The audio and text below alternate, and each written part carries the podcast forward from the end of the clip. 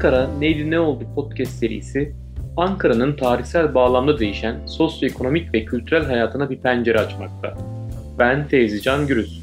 Rasim Özgür Dönmez ile birlikte hazırlayıp sunduğumuz podcast serimizde birbirinden farklı ve değerli konukları misafir ederek sizleri Ankara'da başlayan ve Ankara'da bitecek olan bu keyifli yolculuğa davet ediyoruz. Keyifli dinlemeler dileriz.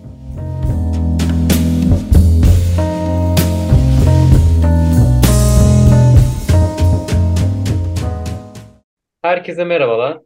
Ben Fevzi Can Gürüz. Ankara Neydi Ne Oldu podcast serisinde yine Rasim Özgür Dönmez ile beraberiz. Bugün yine çok değerli bir konuğumuz var. Ee, Başak Tükenmez hocamız bizimle beraber. Kendisiyle Ankara'nın çok özel bir parçası olan Papazın Bağı'nı konuşacağız. Ee, Başak Hocam öncelikle hoş geldiniz. Hoş bulduk. Hoş geldiniz hocam. Hoş bulduk. Şimdi Başak Hocam en temel girişte şöyle bir şey sormak istiyorum. Bizim önceki podcast bölümlerimizde de biz bunu konuştuk. Bilinen bir klişe olarak Ankara'nın bir bağlar şehri olduğu e, dillendirilir. E, siz de bu bağ kültürüne değinerek Papazın Bağı'nın buradaki yeri nedir? Papazın Bağı'nın bu kuruluş öyküsü nasıl kurulduğuna ve adının niye Papazın Bağı olduğu konusunda kısaca bizi bilgilendirebilir misiniz? Tabii ki. Ee, yani Ankara'da bağ kültürü, e, üzüm yetiştir yetiştiriciliği ve e, şarapçılığın tarihi aslında antik çağa kadar dayanıyor. E, hatta Ankara isminin böyle Fa Farsça'da üzüm anlamına gelen engürü kelimesinden türediği iddia ediliyor. E, fakat e, bağ evi ve bağ göçme kültürü, yazlık bağ ev kültürü 19. yüzyılda başlamış bir kültür. Sanıldığının aksine o kadar eskilere dayanmıyor. E, ve 20. yüzyılın ortasına kadar da e, sönümlenen 1950'lerde biten bir kültür. E, yazlık bağ evi kültürü. Bunun sebebi aslında bunun moderniteyle gelmesinin sebebi de ulaşım araçları. Yani 19. yüzyılda işte at arabası kullanımı, 20. yüzyılın başlarında da yine at arabasıyla beraber e, otomobilin kullanılmasıyla bağ evlerine göç, mevsimlik göç başlıyor. Nisan ayı ile Kasım ayı arasında böyle bir kültür var. Bu dönemde yine yani bu göçün sebebi de genelde e, kentin çeperinde yer alması bağların. E, Çankaya, Keçiören, Küçükesat, Etlik, Dikmen, Etimeskut, Zir ve Gölbaşı gibi çeperlerde yer alıyor. Bu döneme ait böyle bir takım anlatılar mevcut, bir takım aktörlerden yani tarihçi olsun, o zamanı yaşayanlar olsun. Onların anlattığına göre bu kültür zengin fakir ayırt etmiyor. Çok kültürlü, Müslüman, Rum, Ermeni, Museviler bir arada yaşa yaşıyor. Böyle bir tablo çiziliyor. Bu anlamda Ankara Bağ kültürünün kültür ve doğanın iç içe geçtiği çok kültürlü, çok katmanlı bir habitat oluşturduğunu görüyoruz aslında. Papazın bağı da bu kültürün bir parçası. Papaz kelimesi de buradan geliyor aslında. Yani bununla ilgili birkaç senaryo var sözlü tarihe göre. Bunlardan birisi elimizdeki verilere göre en eski 20. yüzyılın başına gidebiliyoruz papazın bağı ile ilgili. İlk senaryo, bununla ilgili olan ilk senaryo, e, papazın bağının e, ilk sahibinin Ermeni bir papaz olduğu e, Gazapos isminde. Ama sonrasında 1915 ile 1923 yılları arasında arazinin kamulaştırıldığı, kamu malı haline geldi. E, ikinci bir senaryoda papazın ismini bilmiyoruz ve Rum bir papaz var. E, bir de üçüncü bir senaryo var. Bu bu kısmı benim aklıma çok yatmıyor ama e, o senaryoya göre de işletme sahiplerinin iddia ettiğine göre işletme olduktan sonra papazın bağı rakip işletmeler diyorlar ki or orayı papaz işletiyor, oraya gitmeyin diyorlar. Ve bu iftira sonucunda, bir tür iftira sonucunda işletme sahipleri de bu ismi sahipleniyor. Biz işte papazın bağıyız diyor. E, o şekilde e, isim alıyor ama yani dediğim gibi üçüncü senaryo çok fazla e, kafama yatmıyor. En olası senaryo ilk senaryo bana kalırsa. E, zaten e, buranın 1920'li yıllarda kamu arazisi olduğunu E, tarihi belgelerden de biliyoruz. Çünkü e, Topal Osman olayı, e, belki biliyorsunuz Topal Osman vakası burada geçiyor. Topal Osman'ın öldürülmesi. Topal Osman ya da Giresunlu Topal Osman'a o zaman Meclis Muhafız e, Taburu Komutanı. Ve şey, e, bu çeşitli savaşlarda yer alıyor aslında. 1912 yılında zaten Topal ismini alıyor. Balkan Savaşı'nda yer, yer alanıp. E, sonrasında 1919'da Mustafa Kemal'le ta- tanışıyor. Savaş yıllarında, Kurtuluş Savaş yıl, Savaşı yıllarında e, yarbay rütbesini terfi ediyor. Sonra da İstiklal Madalyası alıyor. Biraz da böyle şiddete ya- yatkın birisi. 1923 yılında o zamanki Trabzon milletvekili muhalif diye geçen Ali Şükrü Bey ortadan kayboluyor. Lozan heyetine karşı e, bir konuşma yaptıktan sonra bir eleştiri yaptıktan sonra uzun aramaların sonucunda Ali Şükrü Bey'in ölümü üzerine yapılan sor- soruşturmalar sonucunda failin Topal Osman olduğu ortaya çıkıyor. Bu Cumhuriyet döneminin ilk suikasti ve bunda da aslında bir paz- papazın bağı geçiyor mekan olarak.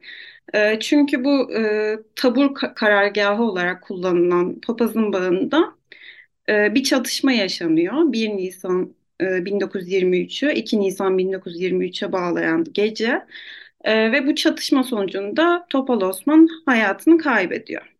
E, bunun sonrasında yine 1923 yılında aslında Papazın arazisi kamu malı olmaktan e, özel mülkiyet statüsüne geçiyor. Bu da e, Kuloğlu ailesinin bu araziyi almasıyla.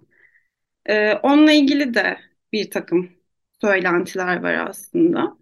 Kuloğlu ailesi yani Ahmet Kuloğlu diyeyim bu, bu arazinin ilk, sahip, ilk sahiplerinden birisi e, hamam önünde çalışan bir çiftlik ticareti yapan bir tüccar aslında. Bir rivayete göre e, eşi Şaziye Kuloğlu ikiz çocuklara hamileyken Ahmet Kuloğlu ona bir ev hediye etmek istemiş. Şaziye Kuloğlu'nun çocuğumun meyveyi dalından yiyebileceği bir yer istiyorum demesi üzerine Ahmet Kuloğlu böyle bir girişimde bulunuyor. Bir diğer rivayet ise bu arazinin aslında onlara hediye olduğu. Çünkü Şaziye Kuloğlu'nun Cumhuriyet'in ilk ikizlerini doğurduğuyla ilgili. Ama bunun hani gerçeğini bilmiyoruz tabii ki. Kuloğlu ailesi de 1923'ten 1935'te 30, 36'lı yıllara kadar araziyi avlanma ve bağ bozumu amacıyla kullanıyor. Ee, yine o dönemin e, trendine uygun olarak mevsimlik olarak kullanılıyor. Ee, 1935-36 yıllarında tam zamanlı olarak bağ evine taşınıyorlar. Ee, 70'li yıllara kadar bağ evi yaşamı sürdürüyorlar. Bu 70'li yıllara kadar olan dönemde 1963 yılında e, papazın bağı ticari bir işletmeye çevriliyor. Aslında kentsel doğaya geçiş de tam olarak bu dönemlerde başlıyor.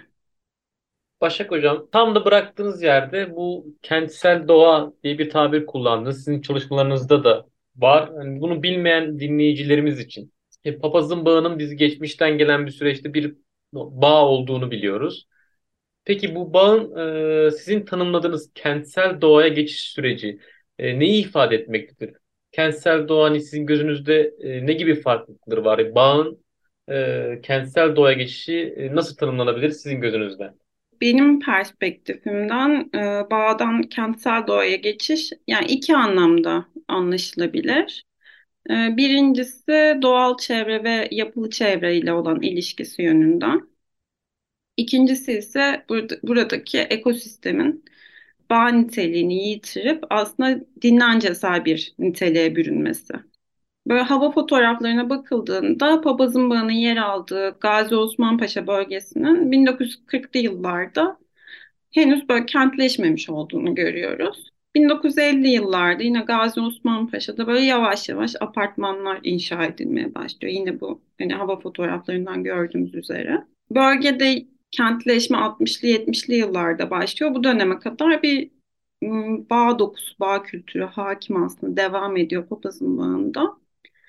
Röportajlara göre yani Kuloğlu ailesinin verdiği röportajlara göre bir sürü aslında burada hayvancılık yapılıyor ve e, bahçe işletiliyor aslında küçük baş ve e, kümes hayvancılığı yapılıyor. Ve burada meyve ağaçları var. Yani üzüm, armut, muşmula, işte ayaş tutu, ayva, elma. Yani bir sürü çeşit meyve ağacı var. Ve aynı zamanda e, pek çok kuş türüne de ev sahipliği yapıyor. E, bağ evi yaşamından kentleşmeye geçiş sırasında arazinin biyoçeşitliliğini ilk olarak bu ağaçlardaki değişim etkiliyor aslında. Yani Papazın Bağı 1963 yılında işletme olduğunda çam, çınar, söğüt gibi gölge yapan ağaçlar dikiliyor. Bu da bağ niteliğini yitirmesinde e, ekosistemde bir adım aslında. Yani kentsel doğaya geçişte bir adım olarak yorumlayabiliriz. Bunun dışında ikinci adım yani yapılı çevreyle, doğanın yapılı çevreyle olan ilişkisinde adımlar tabii ki 1965 tarihli e, kat nizamı, e, kat mülkiyeti yasası e, ve 1968 tarihli bölge kat nizamı planları. Bunlar da e, diğer bir aşamayı ifade ediyor aslında. Bu yasal düzenlemeler sonucunda arazinin çevresinde 1970'lerden itibaren direkt yani yakın çevresinde 1970'li yıllardan itibaren e, bir yapılaşma başlıyor. Bu yapıların ilki orada e, direkt hatta Kuleli Sokak'ta Papazın yanında Sema Apartmanı ilk inşa edilen yapı bildiğimiz üzere. 1980'lerde bu yapılaşma e, çok yoğun bir şekilde devam ediyor aslında. Bu dönem içerisinde Kuloğlu ailesi de aslında 1970'lere kadar bağ evi yaşamını e, koruyor yani mevsimlik olarak da değil. Yaz kış orada devam ediyorlar ama 1970'lerde onlar da apartman yaşamına geçiyorlar. Hatta araziyi gezerken ben şeyi fark etmiştim. Çevredeki e, apartmanların isimleri mesela biri Kulluoğlu apartmanı, biri işte o ailenin işte oğullarından birinin ismi verilmiş. Böyle çevre yapılarla da ilişkililer anladığım kadarıyla. Ee, 1970'lerde onlar e, apartman yaşamına geçtiğinden sonra e, burası buradaki bağ evi e, meyve deposu olarak kullanılıyor ve atıl kalmaya başlıyor aslında bu süreçte. Sonrasında 1980'lerde 90'larda gittikçe hızlaşı, hızlanıyor tabii ki. Yani burada iki katman var. Yani kültür ve doğa ilişkisi aslında ve yapılı çevre ve doğa ilişkisi. Bu şekilde özetleyebilirim yani. Ee, Başak Hocam şimdi bu dediğiniz e, dönemlerin bir kısmına e, ben şey yaptım ya birebir tanıklık ettim 1980'lerde. Biz oraya yani yanlış hatırlamıyorsam yani orayı yanlış hatırlamıyorum ama 80'lerin sonuydu galiba. Ailemle beraber gidiyorduk o dediğiniz dönemler içerisinde ama 1990'larda orayla ilgili benim teşvik mesaim oldukça fazla oldu. Hemen e, Papazın Bağı'nın yanındaki bir apartmanda e, çok özel derse giderdik. Hatta ismi vermemde de sakınca yok. Gökçe Ertekin diye bir arkadaşımız vardı. Onun evinde e, bu özel dersler olurdu. Oraya çok çok sık da giderdik. Şimdi e, yani çok popüler bir yerdi. Popüler olmasının sebebini anlıyorum ama 1980'lerde baktığınız zaman Ankara'da bu tip yerler aslında çok fazla vardı. Mesela Emek'te ben hatırlarım. Emek bildiğiniz bir şeydi, çayırlık bir alandı. Bir böyle bir şeyden bahsediyoruz, bir dönemden bahsediyoruz.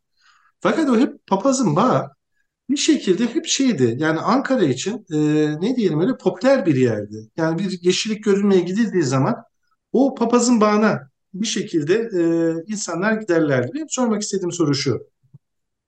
Papazın bağı zaman içerisinde neden ve nasıl gözde bir yer haline geldi? Onu soracağım. Ve bu hali hep korundu mu? Aslında bunun cevabını, son sorumun cevabını biraz biliyorum ama siz anlatırsanız sevinirim olur mu? Tabii ki. Yani bunun ilk sebebi olarak popüler kültürü gösterebilirim aslında. Ee, popüler kültürde ve medyada yer alan bir yer aslında bir işletme. İşte buraya işte Zeki Müren'in, Adnan Şenses'in, Abdullah Gül'ün, Deniz Baykal'ın, İbrahim Kalın gibi isimlerin, figürlerin gittiği söyleniyor. Ve böyle internete bak bakıldığında aslında burayla ilgili bir sürü yazılan, çizilen var. Böyle anılar var. Mesela Can Dündar'ın e, Kolej Piknik Papazın Bağı diye bir yazısına rastlamıştım. Kendi anılarını anlatıyor, kişisel anılarını.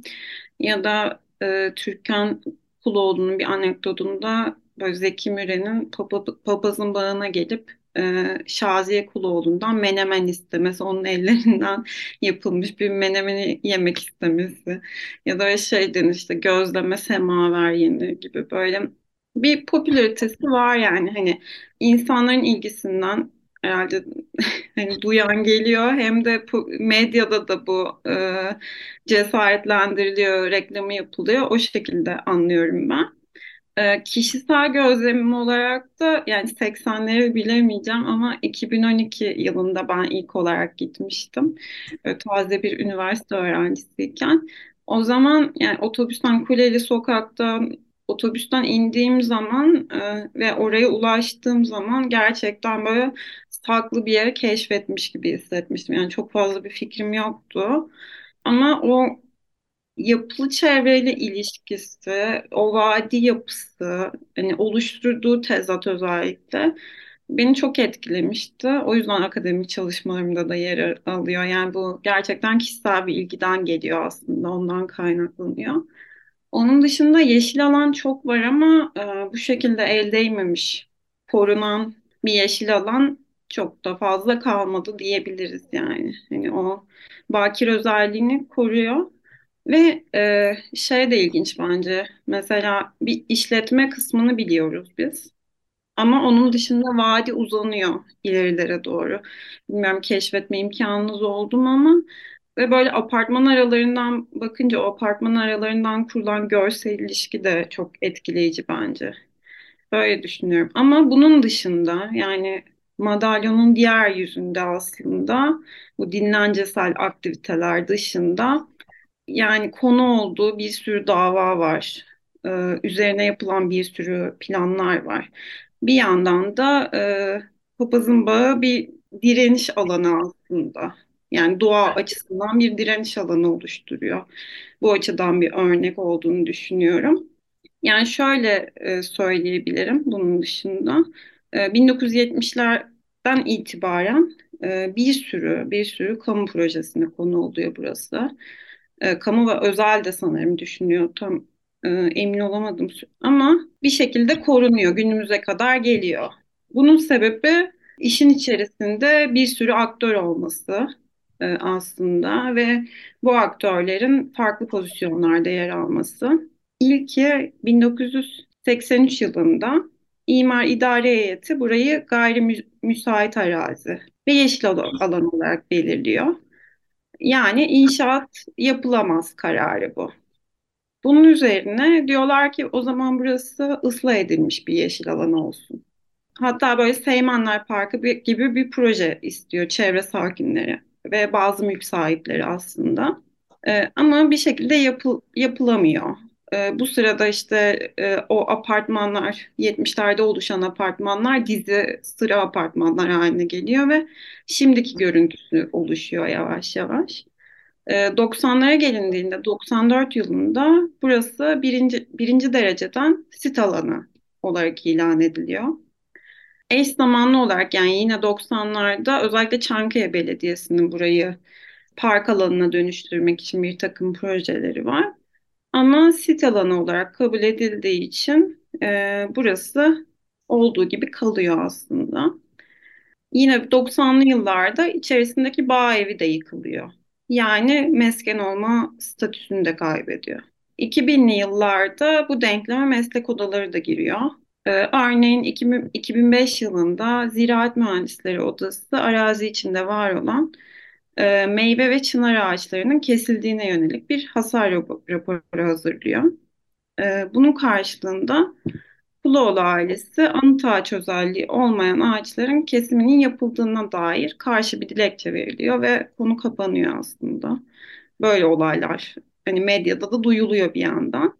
E, sonrasında 2017 yılında birinci dereceden doğal sit alanı olma statüsü değişiyor ve nitelikli doğal koruma alanı olarak belirleniyor. E, bu ne demek? Belirli ağaç toplulukları anıt ağaç olarak sayılabilecekler korunuyor. Herhangi bir alana herhangi bir müdahale, budama bile izinle yapılıyor. Hocam valla söyleyeceğinizi söylediniz. Ben o zaman e, yani şu andaki durumunu anlatıyorsunuz. Hı hı. Yani bu genel anlattığınız şu andaki Şu, durumu herhalde. e, şu ankini şöyle söyleyebilirim aslında. Ya şu an hala e, içindeki küçük akarsularla, yumuşak toprağıyla, o doğal görüntüsüyle duruyor aslında. Bu en son gittiğimde benim üçe ayrılmış durumdaydı. Aile herhalde üçe ay- ayırmıştı şeyi. Yani üç kat vardı. Üç ayrı işletme vardı orada. O devam ediyor galiba değil mi? Ya işletme sahipliğini tam olarak bilmiyorum ama evet yani hani e, Üç ayrı restoran, işletme. Üç kardeşin galiba hepsi hani bir arada bir şekilde işliyor diye biliyorum. işliyor tamam. Yani bir kafeterya var, bir restoran var içinde. Üçüncü bir işletme yok sanırım. Aşağı indikçe bir e, işletmeye ait yani o da akrabalardı. O zaman şu anda galiba anladığım kadarıyla ikiye indi. Ben yani gitmediğim için 10-12 sene falan oldu ben gitmeyeli. Demek ki son durum öyle o zaman. Ya ben en son gittiğimde tek sadece restoran vardı. Ha, tek inmiş o zaman. Anladım. Evet evet. Onun dışında hani yapı olarak bir kafeterya, bir restoran gibi ama işletme olarak tek bir işletme olarak işliyor gibi anladım ben. Aha. Öyle. Ve yapılı çevrede böyle güneyde kümeleniyor Hı hı hı aslında. hı. Ee, şu an için bir diğer ilginç durum e, statü olarak kamulaştırmasız el atılmış durumda. Yani imara açık değil, e, özel mülkiyete tabi ve kamuya açık. Böyle bir arada derede bir e, Nasıl nasıl yani hem e, kamuya açık ama kişiye ait öyle değil mi? Yani nasıl oluyor hocam o, o da ilginç değil mi? Yani şöyle aslında tamamen kamulaştırılması için ben anladığım kadarıyla anlatayım. Tamamen kamulaştırılması için e, mülk sahibine bir miktar para ödenmesi gerekiyor. Hı hı hı hı hı. E, sanırım bu konuda anlaşmazlık var. Anladım. O da büyük bir para istiyor. Anladım. Anladım. Evet. O aynı Yani yalıdaki özel gibi. mülk ama kamuya açık olarak görülüyor. Sanırım e, çevre sakinleri de bu şekilde davranıyor. Yani bu şekilde muamele ediyor oraya. Çünkü kısa yol olarak kullanan var. Ya aslında özel bir mülk, aslında özel bir işletme ama e, herkes oradan bir şekilde yararlanabiliyor. O işletme olmayan kısmında, alanın kuzey kısmında işletmeden bağımsız mesela bir takım aktiviteler de yapılıyormuş mesela. Anladım. Ben size bir soru soracağım. Siz bir mimarsınız. Ya bir şekilde de bu kent işte bölge planlamayla da bir şekilde ilişkiniz var. Bugünkü Ankara'ya baktığınız zaman Papazın Bağı'nın size göre yani profesyonel anlamda baktığınız zaman yeri nedir acaba? Yani nasıl görürsünüz orayı? Mesela İstanbul derseniz işte Belgrad ormanları. Bir nefes alma yeridir anlatabiliyor muyum? Yani ben öyle tanımlarım. Siz nasıl tanımlıyorsunuz mesela şeyi Papazın Bağı'nı Ankara için? Yani gerçekten farklı bir vadi gibi. Aslında bir Belgrad ormanları kadar aktif ya da bil- biliniyor olmayabilir ama yine müşterek olarak e, kullanılan ve korunan bir alan ve kent hafızasında da bir yeri var aslında. O yüzden iyi bir kentsel doğa örneği aslında, iyi bir hikaye. Çünkü burada bu korunma özellikle korunma hikayesinde çok fazla aktör var, e, çok fazla olay var. Yani sırf papazın bağından bir kent tarihi bile okunabiliyor aslında. Yani buna bir büyüteç tutulduğunda çok fazla şey öğreniyoruz. O yüzden çok değerli buluyorum. Ama mekansal olarak tabii ki hani çok büyük bir alan değil. E, 13 bin metrekare kadar ya da e, yeni nesiller eskisi kadar bilmiyordur. Hani işletme olma niteliğiyle popülaritesini yitirmiş durumda. Ama Ankara'nın e, kent tarihi açısından ve kentsel doğa e, tarihi açısından çok değerli olduğunu düşünüyorum. Hocam ağzınıza sağlık. Yani bayağı bizi aydınlattınız. Ben tabii hala o çocukluk anılarımla, gençlik anılarımla sizle konuştuğum zaman e, aklıma geldi. Hatta bizim konuğumuz olan e, Barış Teoman, yani siz şimdi aktiviteler diyorsunuz ya, bol bol şiir okurdu. Çağırırdı hadi konuşalım diye. Pazarlar o çalışırdı. Pazar günleri onun e, off günüydü. Off gününde Orhan Veli okurdu sadece o zaman. Onu hatırlıyorum ben. Ee, Papazın Bağı ve Orhan Veli yani. Bu benim kafamda, hafızamda kalan şeylerden bir tanesi de o. Gözlemesi şeydi, semaver çay gelirdi. Kazlar falan vardı, onu hatırlarım ben. O dönemle bağlantılı olarak.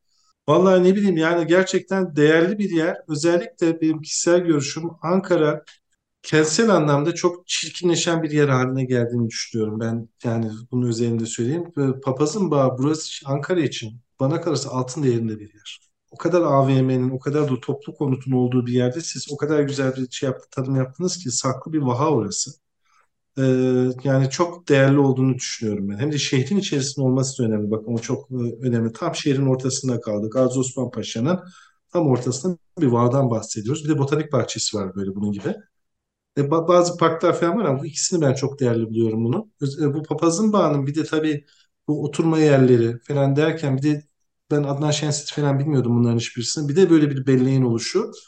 E, bu tadından yenmez böyle bir yer. Ben vallahi korurdum yani bir şekilde. Yani Ankara'nın köşelerinden bir tanesi olsa. Evet, bir de özel mülkiyet olmasına rağmen gerçekten müşterek bir mekan, Evet. müşterekleştirilmiş bir mekan. O açıdan da çok değerli. Kesinlikle. Kesinlikle. Tekrar çok teşekkür ediyoruz katıldığınız için, verdiğiniz değerli bilgiler için. Yani insan şöyle söylüyor, bir, bir şeyden e, ne bileyim bir e, saklı bir e, ne diyeyim bir vahadan böyle, böyle bir tarih çıkarmış da çıkıyormuş yani aslına bakarsanız. E, ağzınıza sağlık, sağ olun. Ben teşekkür ederim davet ettiğiniz için. Çok keyifliydi sizle konuşmak. Müzik